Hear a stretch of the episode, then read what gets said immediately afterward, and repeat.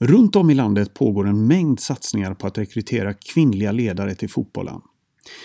I samband med damernas Champions League-final pratar vi med Sussi Palmqvist i Nässjö FF. Hon är ungdomsansvarig i en förening där även ordförande är kvinna och där nästan alla barn och ungdomslag har en kvinnlig ledare. Susie Palmqvist pekar på vikten av att ha flera roller kring laget och att några måste visa vägen. Hon menar också att kvinnornas intåg påverkat klubben och att atmosfären kring barn och ungdomsfotboll generellt sett skulle förändras med fler kvinnor involverade. Välkommen till ett nytt avsnitt av podden Svensk Fotboll. Jag heter Juan Martinez.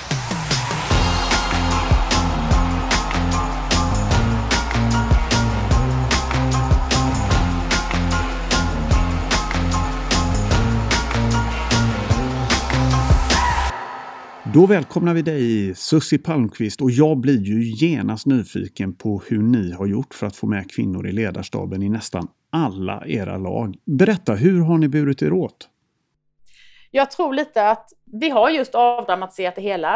Eh, vi är ganska noga med att alla är välkomna. Vi, vi särbehandlar liksom inte utan vi behandlar manliga ledare och kvinnliga ledare precis likadant och de går precis samma väg, samma utbildningar. Vi kräver lika mycket av dem. Eh, och sen har vi ju många kvinnliga ledare då. Vi har ju, jobbar ju mycket med att man i ett lag har antal roller. Alla kvinnor kanske inte, och även killar, vill inte vara den eh, huvudansvariga tränare för man kanske inte har kunskap. Då, då faller det oftast på någon tjej eller kille som har utfört fotboll själv och utövat det i många år. Men vi har ju mycket olika roller där vi eh, man har tränare, man har assisterande tränare, man har en eh, lagledare, man har en ekonom, man har en eh, matchvärd, man har en matchansvarig mot domare och motståndare och, och, då kan man ju lättare hitta någon roll som kan passa då en, en kvinna eller en man för den delen som inte vill ta en tränarroll. Eh, och på så sätt får man nog in fler i en förening. Sen kanske det underlättar att ha, ha gjort sin sak att jag är ungdomsansvarig för hela Nässjö FF som är tjej. Vår ordförande är kvinna och eh, vi har många kvinnor med i...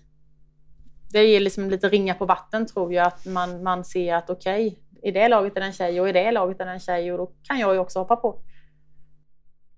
Du eh, Susie, hur såg din väg ut in i fotbollen apropå det? Du har, eh, hade en man som spelade, Mm. Eh, du hade barn som spelade, men du hade ingen erfarenhet alls. Vad fick ditt, eh, ingen egen erfarenhet av att spela, vad fick dig ändå att ta klivet in på planen? Var, var, varför vågade du? Ja, men att jag vågade, för mig var det en självklarhet. Alltså det, det fanns liksom, jag tänkte aldrig tanken där att jag är tjej, jag kan inte gå med, utan här handlar det om faktiskt att hjälpa till. Men du hade ju ingen eh. fotbollsbakgrund heller, det måste ju vara lite läskigt ändå att ja. kasta sig in i det. Ja, men det kan det vara. Men som, som jag tror som sagt att eh, när min son började var han fyra år. Eh, de behövde ledare. Eh, och jag känner ska att min son har möjlighet att spela fotboll här som han brinner för så, så, måste någon hjälpa till. Och då är det rätt självklart för min del att ställa upp. Hade det varit ridning eller dans eller fotboll eller bandy, liksom, jag hade ställt upp oavsett. Eh, för att jag tycker att det är där det svåra är att få med föräldrar som vill hjälpa till i dagens läge. Jag tycker det är skrämmande att det går mer och mer åt att man inte vill hjälpa till som förälder. Men för mig var det självklart och det slog mig aldrig ens en tanke på liksom, att jag är tjej, jag kan inte. Liksom, utan, eh, jag klev in och eh, i den åldern så är det mycket lek, lära, anpassa sig, turtagning, fungera med andra barn i större grupper och då är det nog viktigare att vara disciplinerad själv, ha struktur, få med sig barnen, eh, få dem att, att acceptera mig som person, eh, inte kvinna eller man, utan få acceptera mig och lyssna på mig, eh, mer än att kunna fotboll. Hur många tjejer fanns det i Nässjö FF när du tillträdde? På fotbollsskolenivån då, 6-9 år, så tror jag knappt. Vi hade ju olika områden i Nässjö, men i, mitt område var jag ensam tjej och det var inte många tjejer med heller. Just då hade jag ganska dålig koll på ungdomssidan, där de som var tio år och äldre. Det var ju lite långt borta för min del, men, men det var inte jättemånga tjejer. Utan det... nej, det tror jag inte det var. Hur, eh, hur var reaktionerna från spelare, föräldrar, ledare och ledning när du, när du startade? Ja, men jag, jag känner det liksom att eh, om vi, om vi tjejer, i och med att det är det det här handlar om, liksom hur man får med mer tjejer. Alltså, hade jag klivit in och ursäktat mig själv och eh, visat att jag känner att jag är malplacerad så tror jag jag hade fått betydligt sämre reaktioner. Utan här gäller det att vi måste liksom våga. Alltså, tro på det vi gör. Kliv in med lite pondus och liksom det här löser vi. Vi ordnar detta. Var ödmjuk till att du inte kan det eller att du inte har spelat fotboll men att du ska göra det bästa för barnen som är där. Eh, föreningen var jättetacksamma. De är ju otroligt tacksamma och det är vi fortfarande för föräldrar som vill hjälpa till. Spelarna, aldrig någonting. Jag hade tio killar då som var fyra till fem år. Eh, inte en gång sa de något konstigt om att jag som tjej var deras ledare. Eh, de hälsade mig på stan, hej ledaren, hej tränaren, med ett leende liksom. Eh, och de här tio killarna jag hade då när de var fyra, de samtliga spelar kvar idag och idag är de 13. Hur känns det? Eh, ja men det är ju jättekul. Det är ju otroligt kul att få fått följa dem. Så att eh, något rätt gjorde man väl. Man fick med dem jag tror ju mycket på leken från en, till en början. Jag är inte för att man tidigt ska börja elitsatsa utan att man får med dem av glädjen. Eh, och eh, både all, alla runt omkring. Sen måste jag säga Nässjö FF, eh, stor eloge till att Ska man som kvinna känna sig välkommen måste man också bli välkommen. Man kan inte ha andra som höjer på ögonen eller suckar eller frustar och tycker ska du vara med? Utan det, det, har jag aldrig någonsin stött på i, i min förening utan alla har man har blivit accepterad från början med en ideell förälder som vill hjälpa till, vilket man är väldigt tacksam för och eh, man har mer fått cred än, än, att någon har tyckt att det är konstigt att man är tjej. Liksom. Annars generellt sett, hur lätt tror du att det är för kvinnor att ta steget in som tränare i, i en förening idag? Jag tror att det ligger hos oss själva, hur enkelt vi vill göra det. Faktiskt. Eh, jag hade ingen erfarenhet överhuvudtaget. Jag klev in för att jag vill hjälpa till. Jag vill vara där min son är, eller man har en dotter eller vad man nu har, men att man vill hjälpa sina barn. Eh, och när de är så små. Jag köper inte det här att jag har ingen fotbollskunskap, för den behövs inte när de är så små. Eh, utan det behövs så mycket annat. Eh, att man ser alla barnen, man omvårdnad, man eh, får med dem tidigt i leken. Liksom, att, att kunna samla en grupp. Självklart måste man ha en viss, en viss, vara en viss person tror jag, att kunna guida och tycka om det och att man tycker det är roligt. Men eh,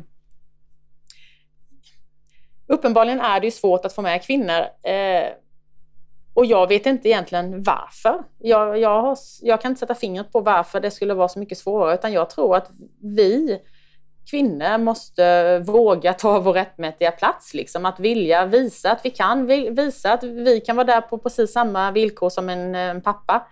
Eh, det ska inte vara några konstigheter. Eh, och om vi går in med den inställningen så kommer andra acceptera oss också. Så att det handlar nog om att vi måste räta på ryggen mer och eh, inte, inte se problemen själva. Tyvärr tror jag vi gör det många gånger, att vi själva ser problemen som kanske inte andra ser, utan det är vi som skapar dem. Vi ska höra vad Caroline Sjöblom, F19-landslagets förbundskapten, sa när hon gästade podden tidigare om ett av hindren som finns när hon som kvinnlig ledare vill gå vidare i sin karriär jag var trött på att sitta ensam kvinna på, på fotbollsmöten, ehm, att vara ensam kvinna på kurser, det kan vara att man är ensam bland 20 män.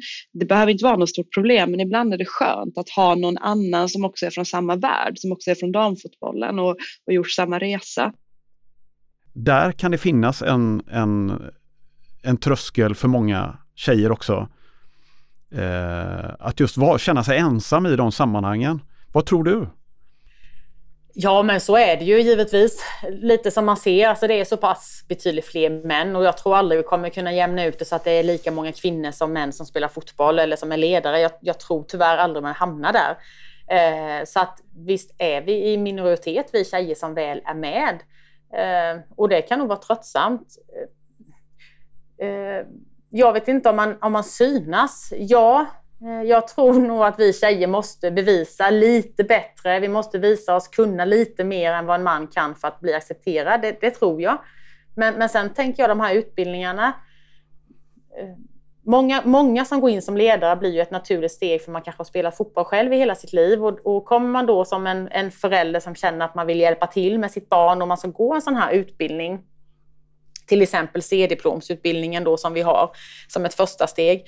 Ehm, där kanske det då sitter både killar och tjejer som har spelat fotboll i större delen av sitt liv som har en, en väldigt stor grund. De har snacket, de kan rutinerna, de har mycket koll på basövningar. Så för dem blir ju den här utbildningen ganska basic och så kommer det in någon som inte har någon kunskap om fotboll överhuvudtaget och ställer kanske frågor eller så. Det är klart att de som har erfarenheten blir mer att man kanske inte suckar, men det är klart att man, man känner ju att man är på så pass olika nivåer. Både den som har spelat länge och som är ledare och den som är ny. Eh, och där kanske man får se över upplägg av utbildning. Att man på något sätt eh, ska ha en utbildning som motsvarar lite en ledare som har, spelat, som har spelat fotboll i hela sitt liv, eh, i, i, kanske 20 år, sen ska man gå in som ledare för sin, för sin son. Mycket av de sakerna man går igenom i en C-diplom har man ju redan automatiskt för att man har spelat kanske på en högre nivå. Och då är det klart att oavsett om man är kille eller tjej och kommer in på en sån utbildning så tror jag man synas, absolut. Eh, det tror jag. Eh, och, och, som tjej då kanske man är ganska ensam och känner väl kanske ännu mer då att man behöver bevisa sig på något sätt.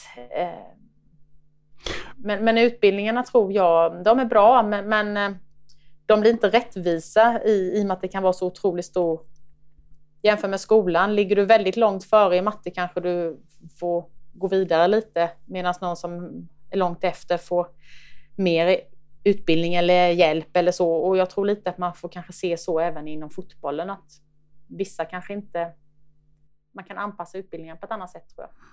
Bär männen som kollektiv något ansvar för att situationen ser ut som den gör?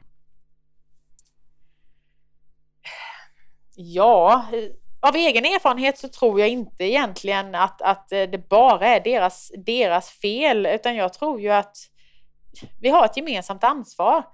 Eh, som jag nämnde innan, jag tror, att, jag tror tyvärr idag att det är betydligt fler män som vill. Eh, som vill hjälpa till eh, och som vill eh, gå in som ledare till exempel än vad det är mammor eller tjejer då så tror jag det är betydligt fler män som vill.